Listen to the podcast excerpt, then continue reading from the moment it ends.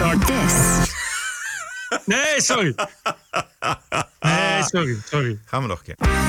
this is the TPO podcast. Sinterklaas vertrokken op naar de kerst. Daar wordt de mens niet vrolijk van. Onderzoek naar fout volk in Leiden. Een moderne heksenjacht. Eeuwenlang waren heksenjachten een populair volksvermaak.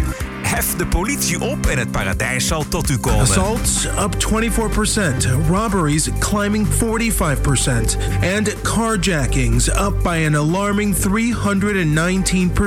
Aflevering 208. Ranting and Reason. Bert Bresson, Roderick Phalo. This is the award winning TPO podcast. Het is maandagavond 7 december. Goedenavond Bert. Ja, goedenavond. Heb je Sinterklaas gevierd? Nee, Oh, ik ook niet. Ik haat Sinterklaas. Het is een dom kutfeest. Nee, nee, Het nee. is tijd worden dat ze dat, dat die Nee. tradities afschaffen. nee, absoluut niet. Ik ben helemaal niet tegen. Ik heb een fantastische tijd altijd gehad met Sinterklaas. Hartstikke spannend. Ik had, was in Den Haag, daar heb ik buren. En dat waren twee van die meisjes. Eh, Ze hadden hun schoen gezet bij de open haard en ze hadden gezongen. En toen zei ik, wat wil je? Gaat zei ik, ik wilde Duplo. Maar de spanning en de plezier in die, in die ogen van die kinderen deed me herinneren aan mijn eigen jeugd. Dus ik vind het fantastisch. We moeten altijd het Sinterklaasfeest houden. Ook als ja, symbolische actie tegen alle ellende die we over tien jaar gaan zien. Ook als ellende, namelijk die hele woke toestand. Dus ik, ik ben heel erg voor Sinterklaas. En Zwarte Piet. Oh, ik, oh ik, ik, heb het altijd, maar ik heb het altijd kut gevonden. Ik weet niet waarom. Misschien heb jij niks. misschien- ja, maar jij was natuurlijk een stout jongetje. Jij was een stout jongetje Nou, en ja. je kreeg nooit wat je had gevraagd omdat je stout was. Ben je nooit meegegaan in de zak? Nee, en ik zou altijd meegaan in de zak naar Spanje, wat ik altijd wilde. Dit is de reden waarom ik uiteindelijk hier op het godvergeten oord ben gaan wonen. Oh ja, Omdat precies, die ja. oude lul me elk jaar weer beloofde dat als ik stout was, dat ik mee zou gaan naar Spanje. Wat gewoon nooit gebeurde. Ik zit te denken, van, volgens mij toen ik eh, nog in Sinterklaas geloofde, toen bestond Diebertje Blok ook al.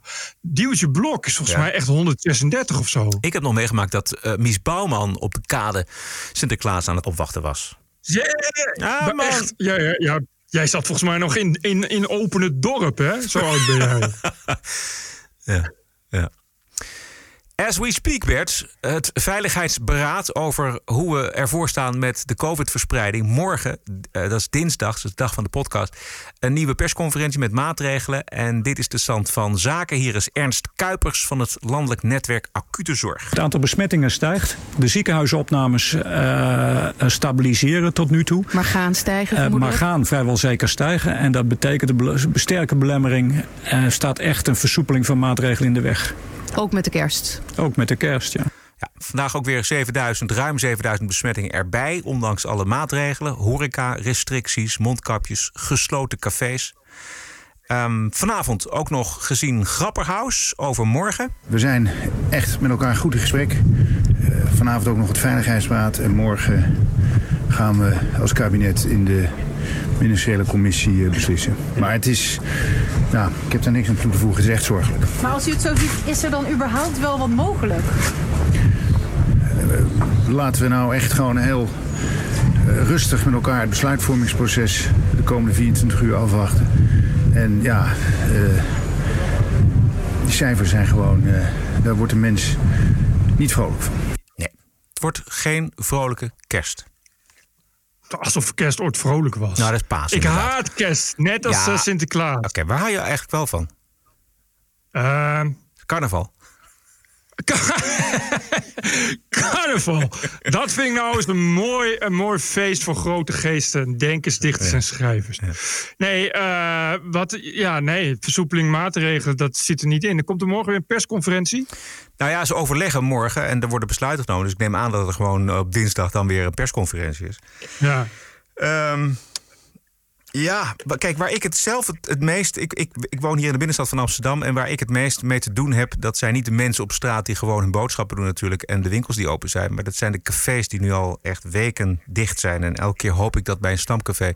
gewoon Ja. ook weer open gaat op een gegeven moment. En dat er niet alle eh, ramen worden dichtgetimmerd. dat daar gewoon iets anders komt. Want dat zie je ook hier in de binnenstad. Dat er gewoon winkels verdwijnen. dat er weer wat anders komt. Dat, dat is mijn grootste zorg. En mijn hart breekt gewoon bij het idee dat velen het niet gaan redden. Nou ja, en eh, inderdaad, want ze moeten natuurlijk wel van de kerst ook weer hebben. Ja, Dit zijn de dagen. Het is, eh, winkeliers hebben het nog wel getroffen. Want de afgelopen dagen eh het is wel fors gewinkeld, toch? Zo rond de Sinterklaas. Ja, en als het, als het niet zeg maar buiten is op straat is, dan is, het, dan is er online wel flink Online, gewinkeld. ja. Ik, weet niet, ik weet niet, dat komt dan niet de, de middenstand ten goede. Maar, nee, eh, maar goed, de, de, maar de restaurants, inderdaad, de horeca, die, die krijgen nu weer een klap. Dat Ja. hadden natuurlijk van de, Ja. van de zomer al een klap. Het begon in maart al, hè? Het is, een, Ja. het is al zo lang geleden, zeker. maart. Ja. En van de zomer hadden ze natuurlijk nog wel de mogelijkheid toen ze even open gingen om die terrassen erbij te trekken. Maar de laatste tijd is het natuurlijk verschrikkelijk weer. Het is sowieso koud, natuurlijk veel te koud voor een terras. Of we moeten massaal in Amsterdam en in heel Nederland de terrasverwarmers gaan ophangen. Ik weet niet of dat, eh, of dat mag. Dat mag sowieso niet. Nee. Maar, maar, eh, nee, maar ik, ik bedoel, ja, dit, als je een restaurant hebt, dan kijk je gewoon ook natuurlijk uit naar, eh, naar de kerstdagen. Net als dat je uitkijkt naar Ja, de zomer, omdat precies. je een terras hebt. Ja. Kijk je uit naar de feestdagen, die nu weer, weer wordt het eh, in de kiem gesmoord. Maar ja, weet je, wat is het alternatief? Er is geen alternatief volgens mij. Ik bedoel, we kunnen wel. Het, het is gewoon kloten, maar het is. Ja, het kan ook niet anders. In de Verenigde Staten gaat het echt heel slecht. Ik weet niet, voor, voor de, heel veel mensen weten dat misschien niet. Het is ook heel raar omdat nu in die, in die tweede golf is het nieuws een beetje weg of zo over COVID. We hebben natuurlijk in maart ging het wekenlang echt alleen maar over COVID. Eh, nu eigenlijk helemaal niet meer. Dit is nu, nu ja, want het is natuurlijk, eeuwige repetitie van, van de, de persconferentie op dinsdag. Maar als je bijvoorbeeld kijkt in de Verenigde Staten, waar eh, onder, onder andere het beleid van Trump en eh, heel veel anderen eh, heel veel nog doorgaat en heel veel open wordt gegooid, is het een drama. Dat is nu, COVID is nu eh, doodsoorzaak nummer één. Dus boven hartaanvallen en boven hart- en vaatziekten. Nou ja, als je weet hoeveel mensen er in de Verenigde Staten doodgaan aan hart- en vaatziekten, want obesitas, is het gewoon heel ernstig. Het is, dus ja, Ja, je, dat- je dat is kan dan, precies- je kan dan niet. Nee, dat is het alternatief. Weet je? Als je zegt van oké, we, we hebben medelijden met, met de horeca, we gooien het open. We willen geen restricties achter de voordeur, dus eh, we laten dat allemaal vrij. Dan krijg je dus dit. Ja, en het probleem is ook dat je, eh, als je dat zou doen, als je nu zo zegt van ja, eh, nou ja, ik ben natuurlijk geen, ik, ik praat dan ook maar eh, de virologen na, maar dat, dat is in elk geval waar het op lijkt. Dat is in elk geval wat er gebeurt bij besmettingsziekten, is dat als je zeg maar nu de horeca opengooit, of in elk geval rond de kerstdagen, ja, dan, dan is je, zijn je IC's meteen vol. Ja. Twee weken later. En dat is het hele punt. Weet je, hier niet eens. Dat zeggen mensen ook van ja, maar bijna niemand heeft symptomen. En jonge mensen hebben toch geen symptomen. En de kans dat je dan doodgaat is, is alleen als je ziek bent. En dat is dan toch al doorhoudt en dat soort gedoe. Dat, dat kun je allemaal wel zeggen. Alleen het probleem is dat je, dat je, zorg, je zorgsysteem instort. En dat is ook wat je dus eh, bijvoorbeeld in de VS en eh, in, in het Verenigd Koninkrijk ziet gebeuren. Dan krijg je, dan krijg je dat mensen eh, in sommige ziekenhuizen die moeten gewoon liggen sterven op de gang. Ja. Ja. Omdat er alles vol zit. Weet je, omdat je, je eerste hulp vol is, je, je zalen zijn vol, je IC's zijn vol. Dat is het alternatief. Nou, dat willen we het niet. Eh, dus zal het zo doormodderen zijn. Hopen dat die aantallen besmettingen naar beneden gaan. En hopen dat dat vaccin snel eh, beschikbaar komt. En eh, dat we ons allemaal laten inenten, zou ik zeggen. Heb je die, eh, dat fragmentje van eh Majid Nawaz Ja. nog geluisterd? Ja, dat heb ik. Ik, ik, ik vond dat hij een leuk puntje heeft. Ja, precies. Dit is eh, de Britse radiopresentator Majid Nawaz over eh, de registratie van gevaccineerden en ongevaccineerden en de gevolgen als wij akkoord gaan met die registratie. This situation is civil liberties is are we in danger of death by a thousand cuts here? Before we realize it, we're in a situation where we've got immunity certificates. We can't leave the home without masks. Uh, we, we cannot leave our own little tiered region. Uh, we have no accountability for the government because it's an emergency law. We don't know how and why uh, they're signing these contracts. We have no data telling us if, um, from a comparative perspective, if lockdown is more harmful for us than no lockdown because the government simply refuses to leak that, uh, to reveal that data, though it's leaked uh, that they do have the data.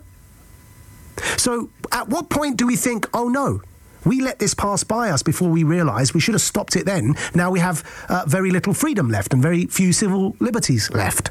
At what point does that conversation uh, become important to us? Because I'm suggesting it's way beyond the point where it should be important. So, uh, clearly, as you've heard, I am categorically opposed to this idea of immunity certificates for leaving the home. I never want a policeman ever again to ask me where are your papers? And I say ever again because, of course, in Egypt, when I lived under a police surveillance state and spent uh, years in pris- prison as a prisoner of conscience, that's what happens when you end up in states like that. Dat laatste is dus belangrijk. Ja. Dat hij iemand is die daar al mee te maken heeft gehad met een repressieve overheid. Maar dat vertekent ook een klein beetje zijn idee, namelijk. Want het is niet hetzelfde eh, om in Egypte staande te gehouden te worden en gevraagd om de papieren. Ik begrijp de vergelijking wel, maar hij gaat niet helemaal op, denk ik.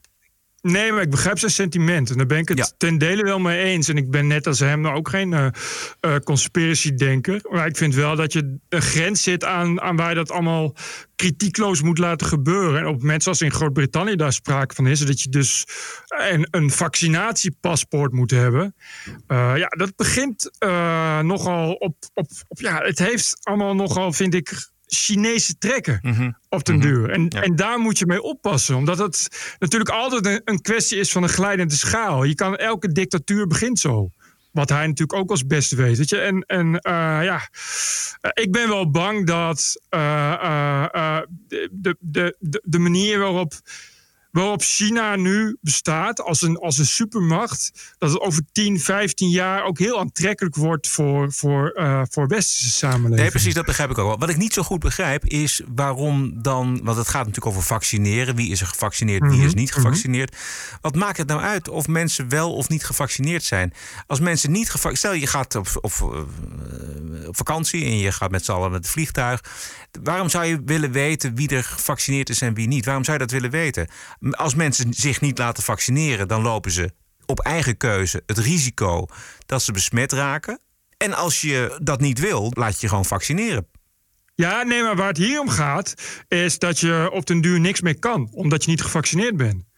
Ja, maar, dit, dit is, maar waarom... het is dus, ja, maar het is dus een, een, vaccinatiepaspoort.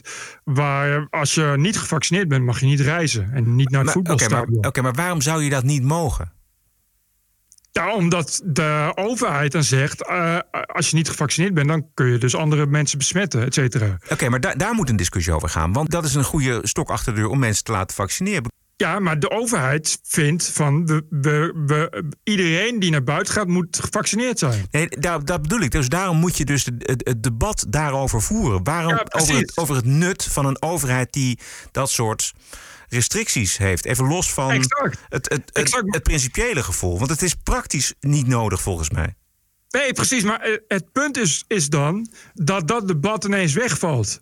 Vanwege uh, Ja. uh, noodwetten en een grondwet die ineens, weet je, kennelijk ineens iets minder belangrijk lijkt. En een parlement wat dat, dat automatisch zo'n beetje doorvoert. Ook niet per se om onbegrijpelijke redenen. En dat is natuurlijk ook waar hij dan voor waarschuwt. En dat is ook hoe ik het een beetje zie, is dat je dat soort dingen uh, verdwijnen dan. En ineens zie je je geconfronteerd met een samenleving waar dat gebeurt. Een samenleving waar ja, mensen uh, uh, ineens uh, niets meer kunnen. Precies, Of- op basis eh, van een eh, paspoort eh, moeten laten zien. Precies. Eh, En van mag ik nog, mag ik in deze supermarkt ja of nee? Dat is een zeer onwenselijke situatie, maar in mijn gedachten dus een, ook een onnodige situatie. Tenzij Ja. de helft van de bevolking zich niet gaat laten inenten.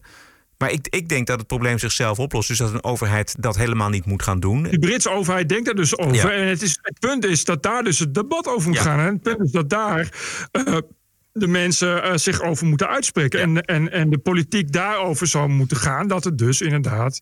eh, eh, dat je dus inderdaad moet afvragen. is dit dan wel nodig? Ja. En, en, en, en de vraag is. Ja, moet er daar ook van niet in iets meer kritiek op zijn? Want die is een beetje beperkt. Het gaat wel iets te gemakkelijk. En dan begrijp ik wel dat mensen zich afvragen van... goh, dit lijkt toch op deze manier... lijkt het wel een beetje een surveillance state in wording. Ja, exact. Als je dit op deze manier zo... want het is natuurlijk een glijdende schaal... en straks eh, is het hele covid er niet meer. Maar ja, hebben we nog wel eh, een vaccinatiepaspoort... en hebben we nog wel allerlei regels die ineens wet zijn.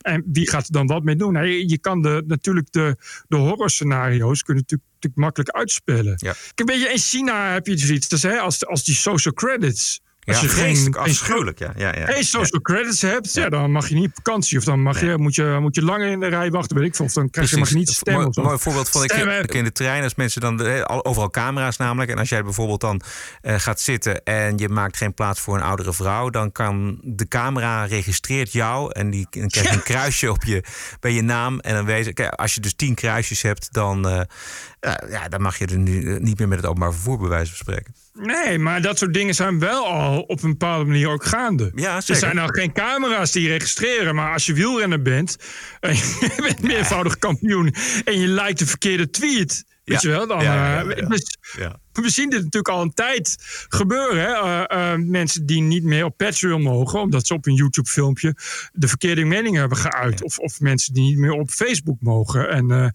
eh, ja, dus, dus inderdaad organisaties die geen bankrekening meer krijgen en dat soort dingen. Ik heb nog en ander- dat lijkt natuurlijk al op, op social credits. Nou, precies. Ik heb nog een heel ander heel mooi voorbeeld. Wat al helemaal operationeel is in Nederland. Dat is namelijk een verzekering bij de ANWB, een autoverzekering.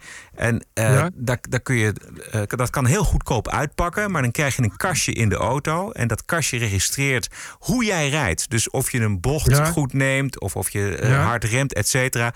En dat rijgedrag wordt allemaal geregistreerd. En als jij keurig een bocht neemt. dan is jouw premie dus lager dan als jij eh, fouten maakt. Die surveillance is er dus al lang. En dat is dus soms schrik je daarvan. Ik ken ook iemand, eh, Maarten Brandt, die kennen wij wel. Die, eh, die rijdt een scooter. Eh, eh, een- gewoon een scooter als een scooter. Dat zijn vervoermiddel. Die eh, reed kennelijk door een milieuzone waar je niet met die scooter mag rijden. Dat wist hij niet, want ja, die milieuzone wordt dan aangegeven op een van de bordje wat je niet ziet in het donker. Je kent het allemaal wel. Maar dan krijg je dus een brief thuis met op die, die en die datum, op dat en dat tijdstip. Dat op de seconde nauwkeurig reed u daar en daar.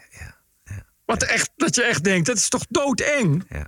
Maar dan ook, dat gaat naar zijn arrest. Dus er is iemand die weet dat Maarten Brand op die en die, dat, dat tijdstip daar en daar reed. En dan weet je, ja, daar zullen meer camera's zijn. Dus als het moet, dan kan iemand wel zien waar jij eh, eh, de hele dag bent geweest. De, gezien de macht van Big Tech, die ik steeds groter zie worden, versterkt met, met, met dit soort dingen, is het wel iets om je zorgen over te maken, vind ik. Ja.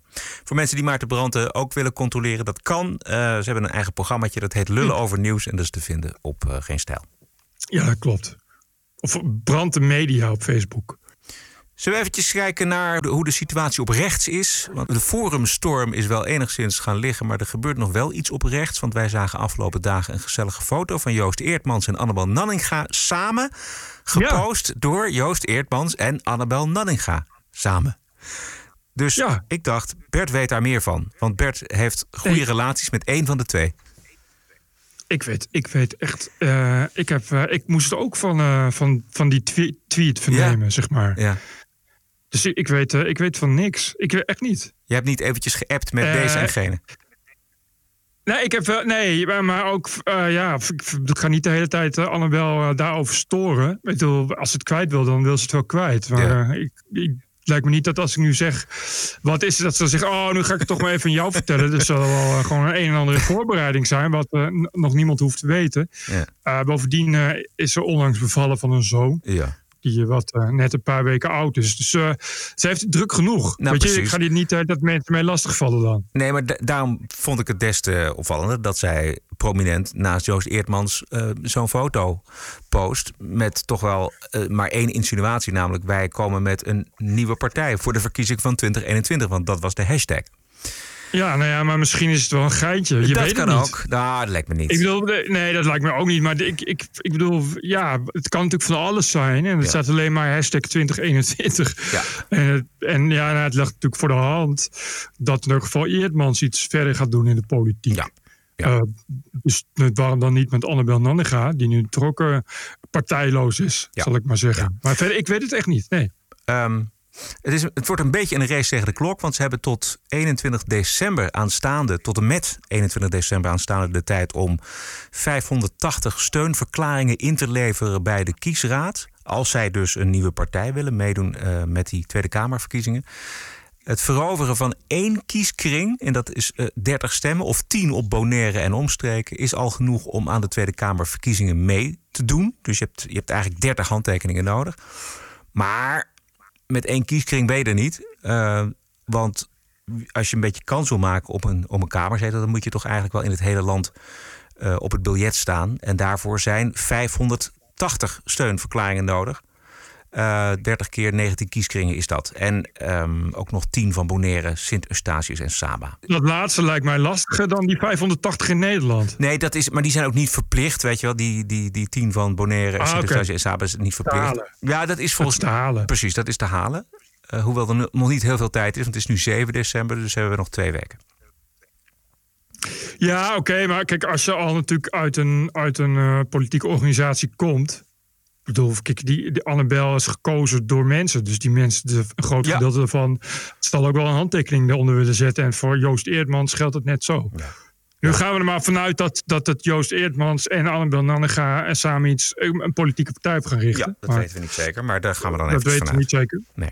Ja, voor de duidelijkheid. Precies. Iets anders op rechts was dat, las ik vandaag, dat vrijdag eh, de kiesraad Henk Otte heeft benoemd tot Tweede Kamerlid als opvolger voor Theo Hiddema. Dat vond ik natuurlijk wel heel grappig. Eh, dus hij kan plaatsnemen naast Baudet in eh, de bankjes. Gezellig. Ja, en in de bankjes voor, voor, voor Democratie. Hoewel de benoeming als Kamerlid betekent nog niet per definitie dat de betreffende kandidaat, ik lees eventjes uit het eh, reglement van de kiesraad, zitting neemt in de Kamer. Hiervoor moet de benoemde eerst als Kamerlid worden toegelaten. Ook kan het zijn dat de kandidaat de benoeming niet aanneemt. En in dat geval benoemt de kiesraad een nieuwe kandidaat. Dus Henk Otte kan weigeren als hij wil. Uh, maar hij kan ook uh, plaatsnemen natuurlijk. We hebben nog eventjes tot, uh, tot maart, tot de verkiezingen. Het zou wel grappig zijn als hij dat doet.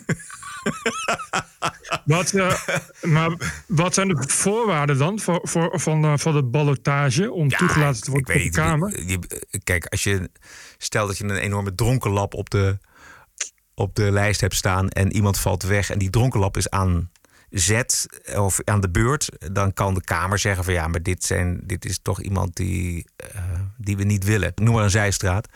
Maar verder is uh, Henk Otte, ik ken hem niet persoonlijk, maar is hij re redelijk van onbesproken gedrag volgens mij. Dus ja, er is niets wat hem in de weg staat om het Tweede Kamerlidmaatschap in te nemen. Ik zie het nog wel doen ook eigenlijk. Ja, ja waarom ook niet? Ja. Sowieso, al, al was het maar om te trollen. Dat je de hele tijd naast Baudet kunt gaan zitten ook in de Kamer. Ja. In de zetels. Ja, precies. Onderzoek naar antisemitisme bij de vakgroep Cliteur gestart. Uh, Paul Cliteur is hoogleraar te Leiden en was uh, daar ook mentor van Thierry Baudet. Was ook Eerste Kamerlid voor Forum voor Democratie. Uh, tot Baudet en zijn jongelingen weer in opspraak raakten over antisemitische uitspraken en appjes. Vorige uh, keer spraken wij over de waarschuwingen over Baudet aan het adres van Clituur, afkomstig van betrouwbare bronnen als rechtsfilosofen Machteld Allen en David Suurland. En we hadden nog Machteld Zee en Joram Stein. Dat zijn dan de klokkenluiders. Universiteit van Leiden haalt nu iemand van buiten die Cliteur en zijn faculteit gaat doorlichten op antisemitisme.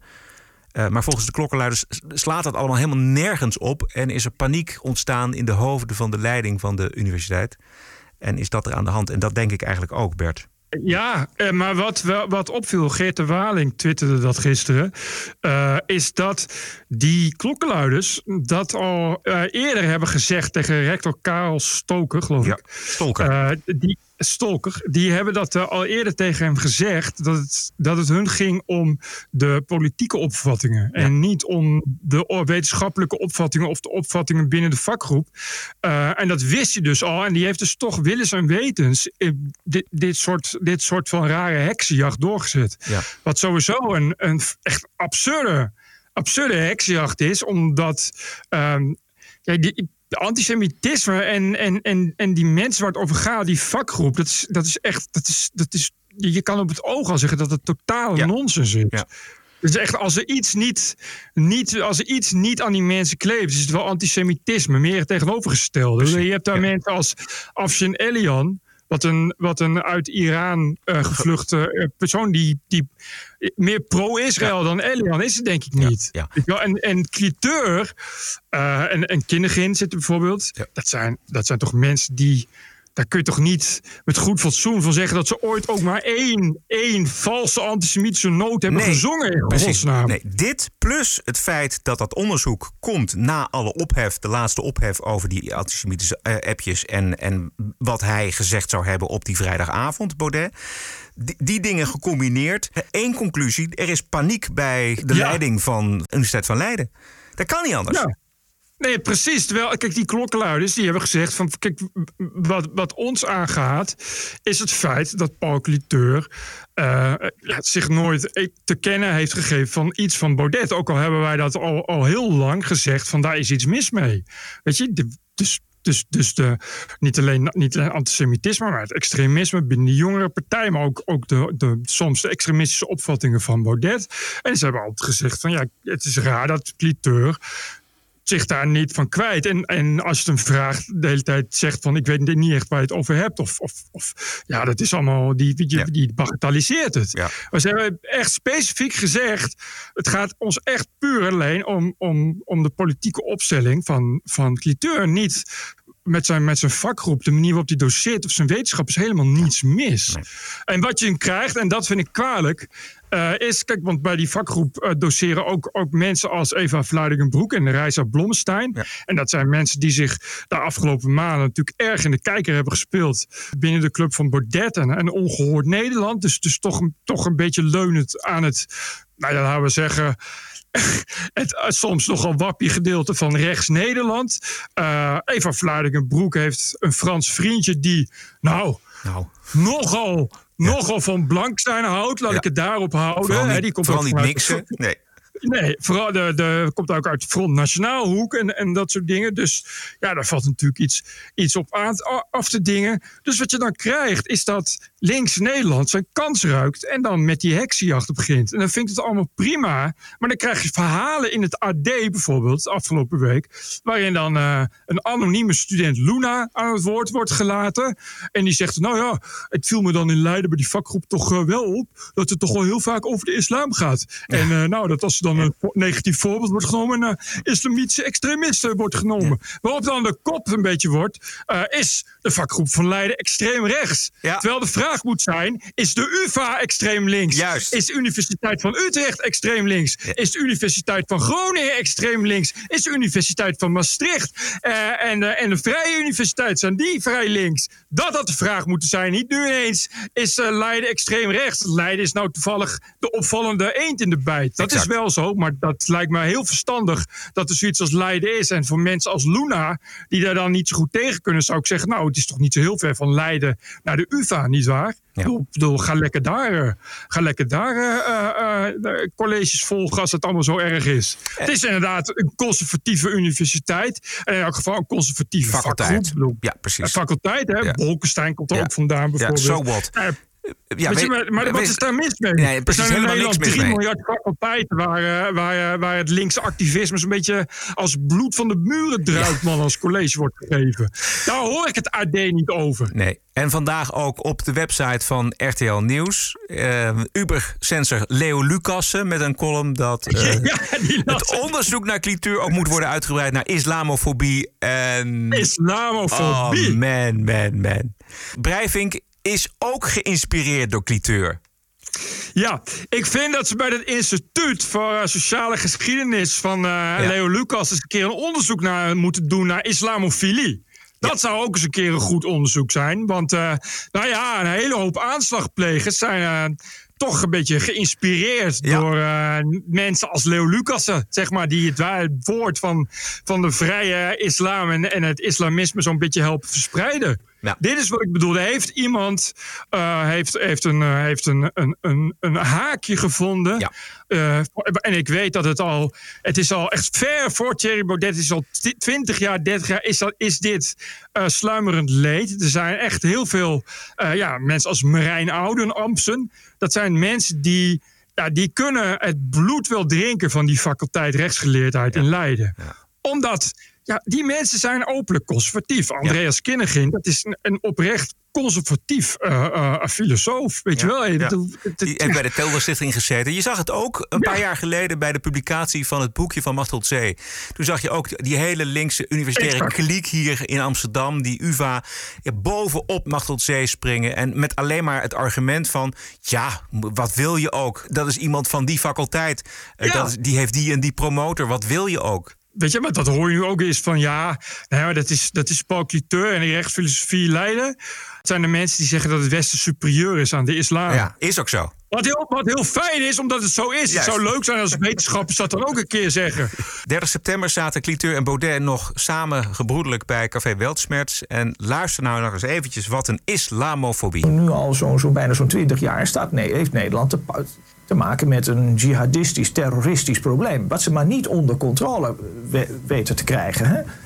Eh, behalve dan, eh, en wat is de reactie van de overheid aan erop? Nou ja, dat ze constateren dat dat er is. En, en, en, en, en, En dat ze vinden dat hate speech moet worden verboden. ja, en dat, dat Geert Wilders maar moet worden, moet, moet, moet worden veroordeeld omdat hij daar de strijd mee aanbindt. Dat is toch eigenlijk heel, heel, heel gek. Het is toch een beetje schieten op de pianist, hè, wat er, eh, wat er gebeurt. Het is vreselijk. Het is verschrikkelijk. Nou, je kan wel horen waar, eh, waar Breivik zijn inspiratie vandaan heeft. Precies. Breivik. En die heeft het allemaal vertaald in het Noors, dus die weet dat allemaal prima. Ja, ja. precies. Ja. Die heeft natuurlijk gewoon een weltflit. Oh nee, nee, die zit er. Nee, maar ik bedoel, het, het, is, allemaal, het is ook allemaal keurig tot en met. Weet je, dit, dit stelt ook allemaal helemaal niks voor. Het zijn keurige opvattingen. En je hebt het hier ook over mensen die eh, in tegenstelling tot extreem links eh, de opvatting huldigen dat er gewoon vrijheid van meningsuiting is voor iedereen. En daar gewoon graag met elkaar over in debat willen gaan. Eh, iemand als Paul Cliteur heeft overigens ook voldoende bijgedragen aan het, aan het Nederlands debat. Vergis je niet, dat is een hele slimme hoogleraar. Die daar eh, altijd hele slimme, slimme dingen heeft gezegd. Eh, het is, maar ik, ik, ik baal er echt van. Ik vind het echt de manier ook waarop de media erop springen. En die Leidse rector speelt daarin een best wel behoorlijk dubieuze rol. Ja, die heeft geen, ruggen- die die heeft geen ruggengraat. Die buigt Nee. dus gewoon mee. Die weet dat die verhalen van Machteld Zee en van die andere mensen, van die klokkenluiders, hebben, hebben, heeft hij al eh, maanden geleden gehoord. En nu opeens komt eh, Forum en Cliteur, wordt gelinkt Precies. met het antisemitisme. En huppatee, komt er nu opeens een onderzoek. Paul Cliteur, zeker toen hij senator werd, dit is voor heel veel mensen, dit zit er wel echt eh, de bloeddag, is het de beeld. Ik dacht, het zit ze al heel lang heel erg dwars. Dat iemand als Paul Cliteur eh, ja, zo ver is gekomen. En eh, of in elk geval in de Eerste Kamer kan gaan zitten. Want dat is iemand die voor heel veel mensen natuurlijk, natuurlijk al als, als fout te boek staat. Ja. In januari moet het onderzoek zijn afgerond. Het is een extern iemand. Nou goed. Ze zullen niks vinden, want er is niks. Eh, dat Maar is, antisemitisme nee, sowieso niet. Maar nee. je weet hoe dat gaat. Ja. Het zijn altijd wel inderdaad anonieme mensen die zeggen... ja, hij heeft geen antisemitisme, maar ook wel weer... het is toch wel raar eh, islamofobisch. Ja, ja. Erdal Balci, columnist van de Volkskrant en TPO... die twitterde vandaag dat islamofobie gewoon een volstrekt reële angst is... voor een religie die mensenmaatschappij wil onderwerpen aan de regels van de islam. Dit klopt. En daar moeten we gewoon nooit aan beginnen. Dus eh, als u eh, iemand tegen u zegt dat u islamofobisch bent... dan kunt u gerust zeggen, ja, dat ben ik inderdaad. Want ik vind het een enge religie. En mensen mogen het best achter de voordeur beleiden, geen probleem. Maar wij moeten net zo waakzaam zijn bij deze religie als bij alle andere religies. Bij GroenLinks komt er iemand eh, die, eh, wiens vader eh, de oprichter is van eh, de Nederlandse eh, groen, of, eh, eh, moslimbroederschap. Dus eh, eh, heel hoog op de lijst. Dus dat is toch een reden om in elk geval fobisch te worden, zou ik zeggen. Oh ja.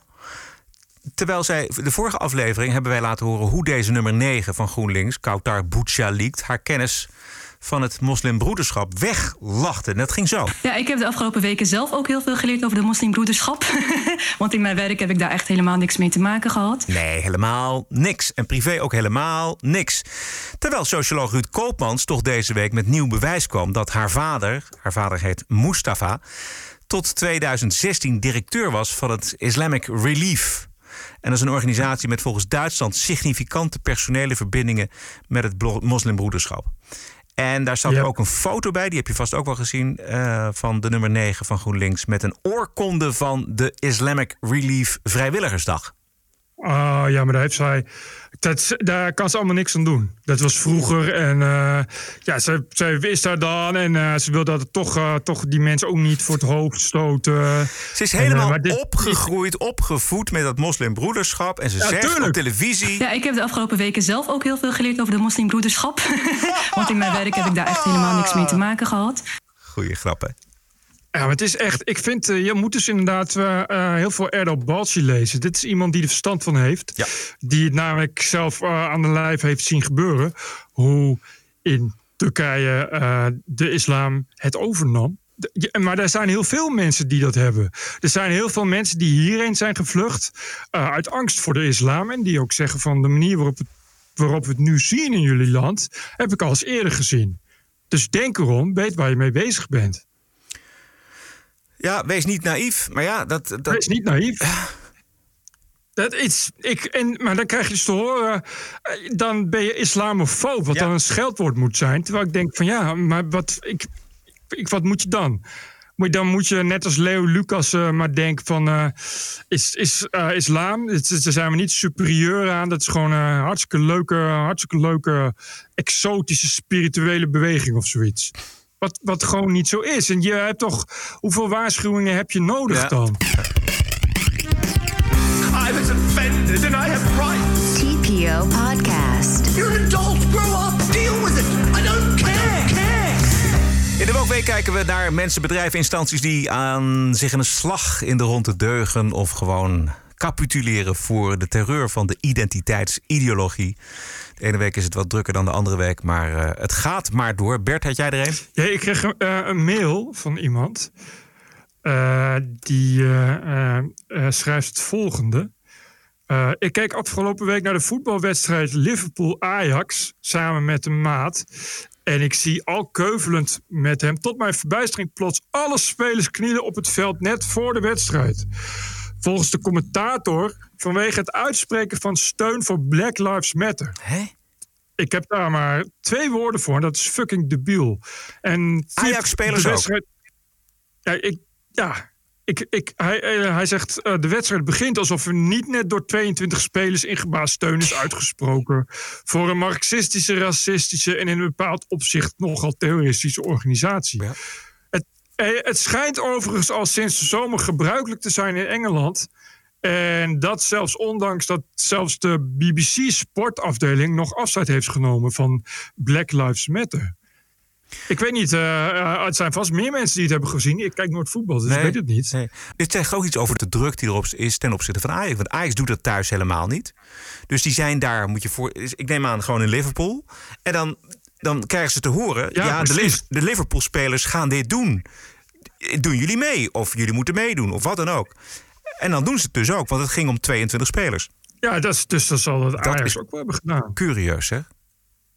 Het andere wat ik je toestuurde was eh, een artikel over eh, dat Black Lives Matters de invloedrijkste macht binnen de kunstwereld is geworden. Dat Ja, verbaast me niks, maar is- hoe, hoe is dat gebeurd? Omdat al die musea Ja. en museumdirecteuren natuurlijk eh, eh, hebben lopen bukken als, eh, als een garnaal. Ja. Er zijn dus kunstenaars en musea die zeggen: er is plek voor je en er is geld voor je als je je bezighoudt met Black Lives Matter. Dus, dus gaan kunstenaars dat doen.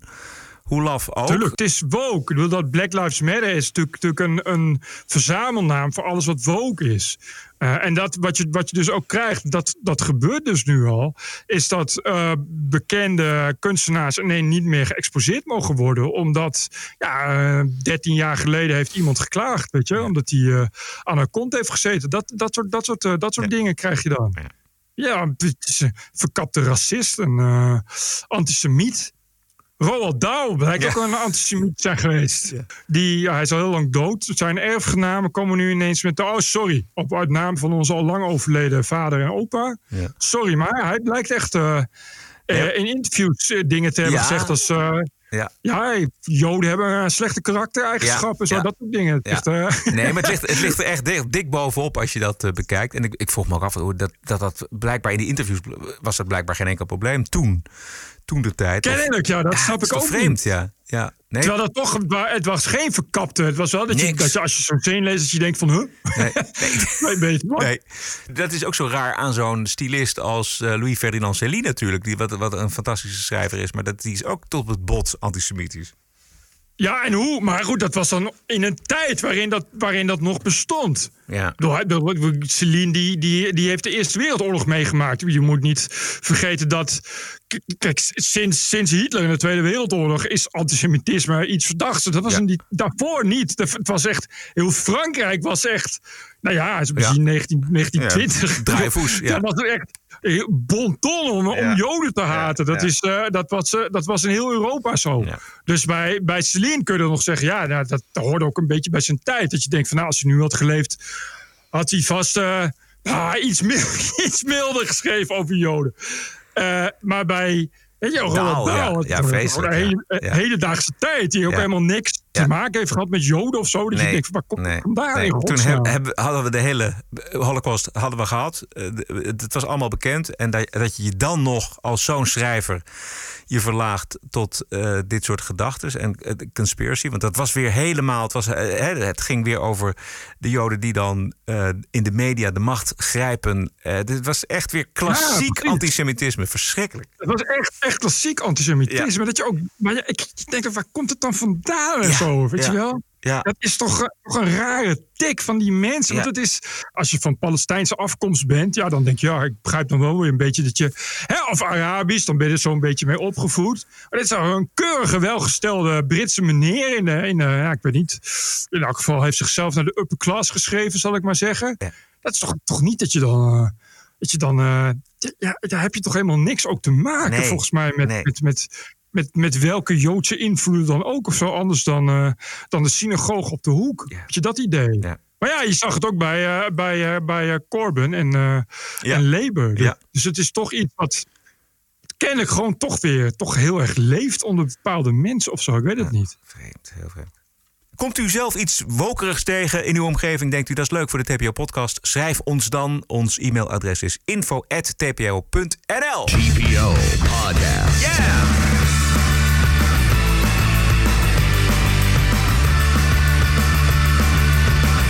Waarderen en doneren. Hier.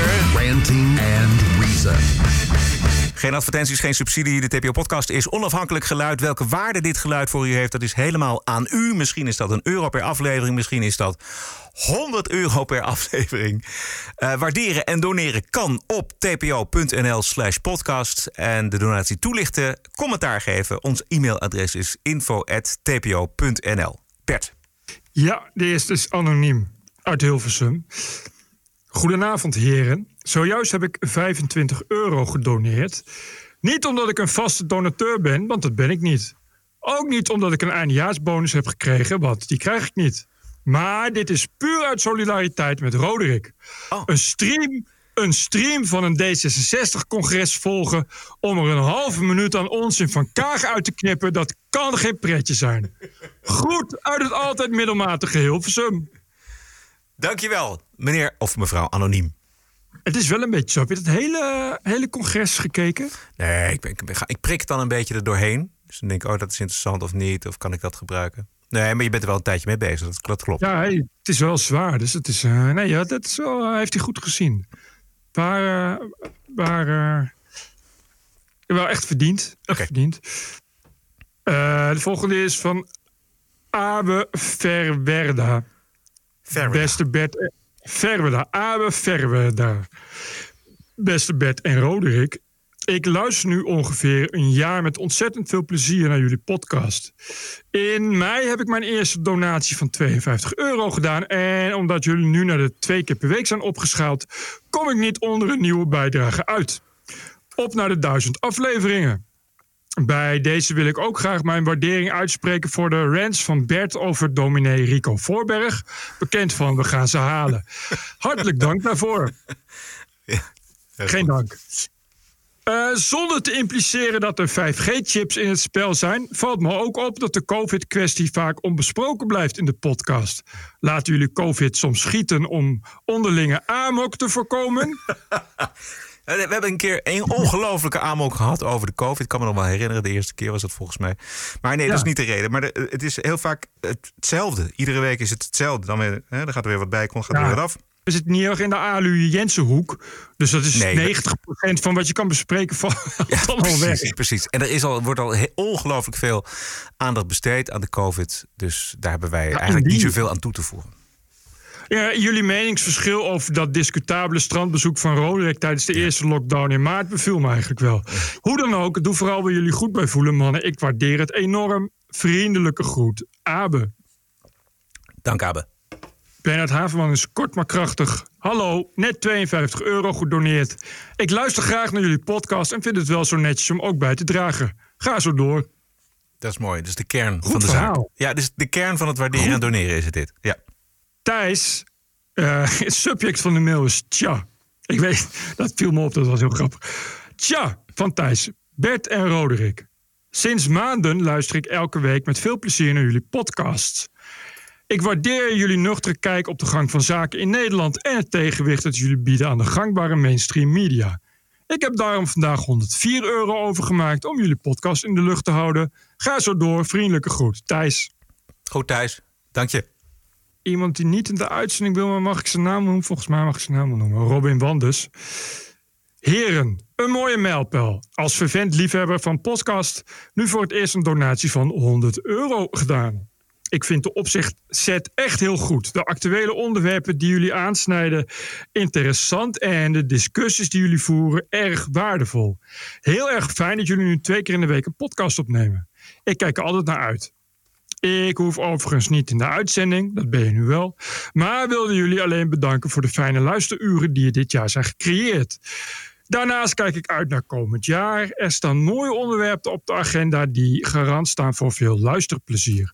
Alvast fijne dagen voor jullie team. Blijf gezond en gelukkig. Groet Robin. Mooie woorden, Robin. Zojuist 150 euro gedoneerd. Nu kan Roderick ook wel boodschappen halen. Ik werd geattendeerd door een vriend en volg jullie sinds aflevering 164. Ik luister nu vaker dan die vriend. Ik zal eens met hem gaan praten. Hij luistert trouw naar Kees de Kort bij BNR. Dus jullie item in aflevering 207 hierover vond ik fantastisch. Daar kan ik die vriend mooi mee plagen. Ik wil graag een origineel compliment maken, maar alles is al zo'n beetje gezegd en ook waar. Volgens mij is er geen ruimte meer voor nog meer veren in jullie poepertjes. Oh, wacht, ik weet nog iets. Jullie praten niet of nauwelijks over corona, COVID-19 of de maatregelen. Wat een verademing! Ja. Mannen, bedankt voor jullie heldere blik op de wereld. Ga zo door en ik blijf volgen, waarderen en doneren. Groeten van Michel Jansen. Goed. Eh, deze aflevering hebben we dat dan toch gedaan. Jammer. Oh, er komt nog een laatste mail binnen. Ja. Dat is van ene Willem-Jan Hilderink. Eh, daar staat... Hallo Bert en Roderick, ik doneer niet, maar ik wil graag laten weken- weten dat Haaksbergen het Jeruzalem van Twente is. Lang leeft Salmerink. Doei. Oké. Dit is de TPO-podcast. Een eigenzinnige kijk op het nieuws en de nieuwsmedia. Elke dinsdag en elke vrijdag. Twee keer per week. Het hele jaar door. Zonder reclame en zonder een cent subsidie. 100% onafhankelijk. The award-winning TPO podcast. Wat is het jou waard? Kies een euro per aflevering, 104 euro per jaar of kies zelf een bedrag. De TPO-podcast. Wat is het je waard? Doe mee en doneer op tpo.nl slash podcast. En wat is dit? This is us. This is our country. This is CNN breaking news. I believe that the president is literally an existential threat. Stop the hammering out there. Who's got a hammer? Make America great again. New York Times and CNN have also smeared veterans like myself. This video was taken during a heated exchange with an unidentified man who called Cuomo Fredo. Stop the hammering. This is the TPO podcast. News 630 WMAL, Washington. When I say defund, you say police defund. Defund. When I say defund, you say police defund. Ja, Defund. de- defunding the police. Dat was een eh, populaire slogan in Amerika. Na de dood van George Floyd drongen Black Lives Matter gemeenteraadsleden, demonstranten en burgemeesters aan op minder agenten. Of nog beter, helemaal geen agenten. Not only do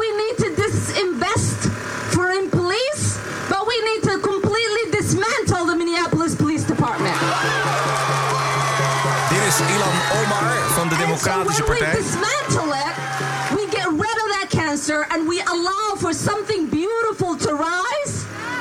And that reimagining allows us to figure out what public safety looks like for us. Ja. Nou, er is in grote delen van Minneapolis geen politieagent meer te vinden op straat. En dit is how public safety looks like for you, black and white people. Abolish the police. A promise some Minneapolis City Council members made as they tried to convince the community what happened to Floyd would never happen to anyone else. But that controversial promise hit some major roadblocks. According to recent stats released by the MPD, so far this year, already more than 70 homicides. That's nearly double the number all of last year. Assaults up 24%, robberies climbing 45%, and carjackings up by an alarming 319%. This is how public safety looks like. David Bicking owns a small auto repair shop less than two miles from where Floyd was killed. He says he's seen the rise in crime firsthand. Shootings in the neighborhood are definitely up. We see it here. Um, catalytic converter thefts are up. Um, we hear more about people's cars being stolen. There is some uh, significant increase in certain types of crime. Juist, die van de police. Ik ben, eh, ik ben verbijsterd, begrijp je? Wie had dat nou verwacht? Je haalt de politie weg en de misdaad gaat omhoog. Ja, Dit is echt een, een anomalie. Dit moet echt, echt worden onderzocht. Dit is gewoon, eh, ja, dit is wereldschokkend, toch? Ja. Meer misdaad als je minder politie hebt. Het is ongelooflijk. We hadden het net over die linkse naïviteit ten aanzien van eh, de islam. En dit is precies ook weer zo'n linkse naïviteit. We horen het Ilan Omar net zeggen, eh afgevaardigde van de Democratische Partij daar in Minneapolis. Als wij de politie weghalen van straat, dan komt er iets moois. En dan zullen we zelf die public safety ter hand nemen. Ja, dat komt dan hierna, denk ik. ik, ik, ik weet niet, eh, dan moet het waarschijnlijk... eh, dat komt dan als er geen winkels meer over zijn. Ja, en, ook precies. geen, en alle auto's gejackt zijn. En alle, alle eh, passanten zijn overvallen. Ja. En alle bendeleden elkaar uitgemoord hebben. Kortom, als alles vernietigd is. Dan komt er iets heel moois. Tot die tijd moeten die mensen maar een beetje hoop hebben, denk ik. Hoop, dat is er wel. Dat is heel Ja. veel in Minneapolis. Zegt hoop overal om de mensen aanwezig. Dat is zeker zo. Nu heeft het bestuur van Minneapolis een half miljoen dollar uitgetrokken om politieagenten uit andere steden in te huren om de criminaliteit in Minneapolis in te dammen. The council ultimately granting the police department an additional $500,000 to bring in officers from surrounding agencies to help police the city. Our city is bleeding at this moment. I'm trying to do all I can to stop that bleeding, and I'm hoping that uh, through having the funds to uh, to launch uh, a citywide joint enforcement team initiative, uh, we can try to uh, uh, try to stop the bleeding here in our city. Ja, het is dramatisch dit, Bert. Het is verschrikkelijk. bijna niet te geloven, Het is niet Het is- te geloven. Is er iemand aan de linkerkant die ons dit kan uitleggen? Ik, maar dit is echt serieus. Dit is, Voor dat je, ons soort mensen, hoe- wij kunnen dat niet. Wij, wij begrijpen dat niet. dit noem je geen naïviteit. Weet je, dat, is, dat is toch, dit gaat is veel verder. Ja. Dit doet me denken aan. eh, je had in Nederland zo'n secte. En dat waren mensen die geloofden dat eh, je hoeft niet te eten en te drinken. Je kan gewoon leven van licht. Nou, je raadt het nooit. Die mensen moesten worden opgenomen in het ziekenhuis. Nou, dit is echt precies zo. Dat je, dat je denkt, van, wat, hoe, hoe kom je er dan bij? Weet je, dat als je de politie op heeft, dan, dan gaat het beter. Mensen willen, willen in iets geloven. Ja, precies. Realisme is te, te saai. Dat heb ik wel eens geleerd op de universiteit. Ja, dat, ja. dat democratie, dat democratie, parlementaire democratie is te saai. Voor wetenschappers, voor filosofen, voor politieke denkers. Veel te saai. Dus dat, dat moet, Maar- altijd, het moet altijd een, iets anders zijn. Het moet altijd communisme zijn, marxisme. Precies. Dat, eh, eh, fascisme ook. Er zijn ook eh, bosjes Ja, is- intellectuele gevallen voor het fascisme. Ja. Er, Ja. zit, bedoel, er zit altijd dezelfde, eh, des- dezelfde mythische vergezichten eraan. Wat je zegt. Het, de uitkomst is altijd uit een paradijs. Wat eh, nog nooit eerder geprobeerd is. En waardoor alles op te lossen is. Terwijl de realist weet van ja, maar dat, dat gaat natuurlijk nooit zo zijn. Het, het is wat het nu is en veel beter wordt dat niet. Je krijgt natuurlijk nooit een misdaadvrije stad. Je nooit. Ook wat, je, wat je ook doet. Maar dat is iets wat, wat mensen niet. Ja, dat is de kracht van, van geloven. Dat is, dat is waarom bij GroenLinks ook. Eh, er is hoop voorop staat. Er is hoop is, is een kreet van, van evangelisten. Van, Ja. vanuit, vanuit de diep christelijke overtuiging. Er is hoop, er komt verlossing. Even luisteren naar die Ilan Omar? Not only do we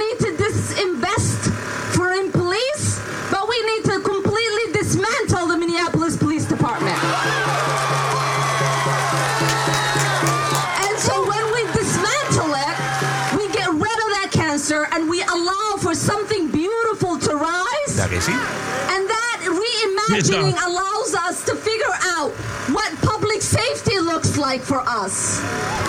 Misdaad. Misdaad, ja. Hier zit alles in. De tegenstrijdigheid, het dromen en de werkelijkheid, de realiteit. It's something beautiful. Meer misdaad op straat. Het is eh, een mooi moment om er een eind aan te draaien. Goed zo.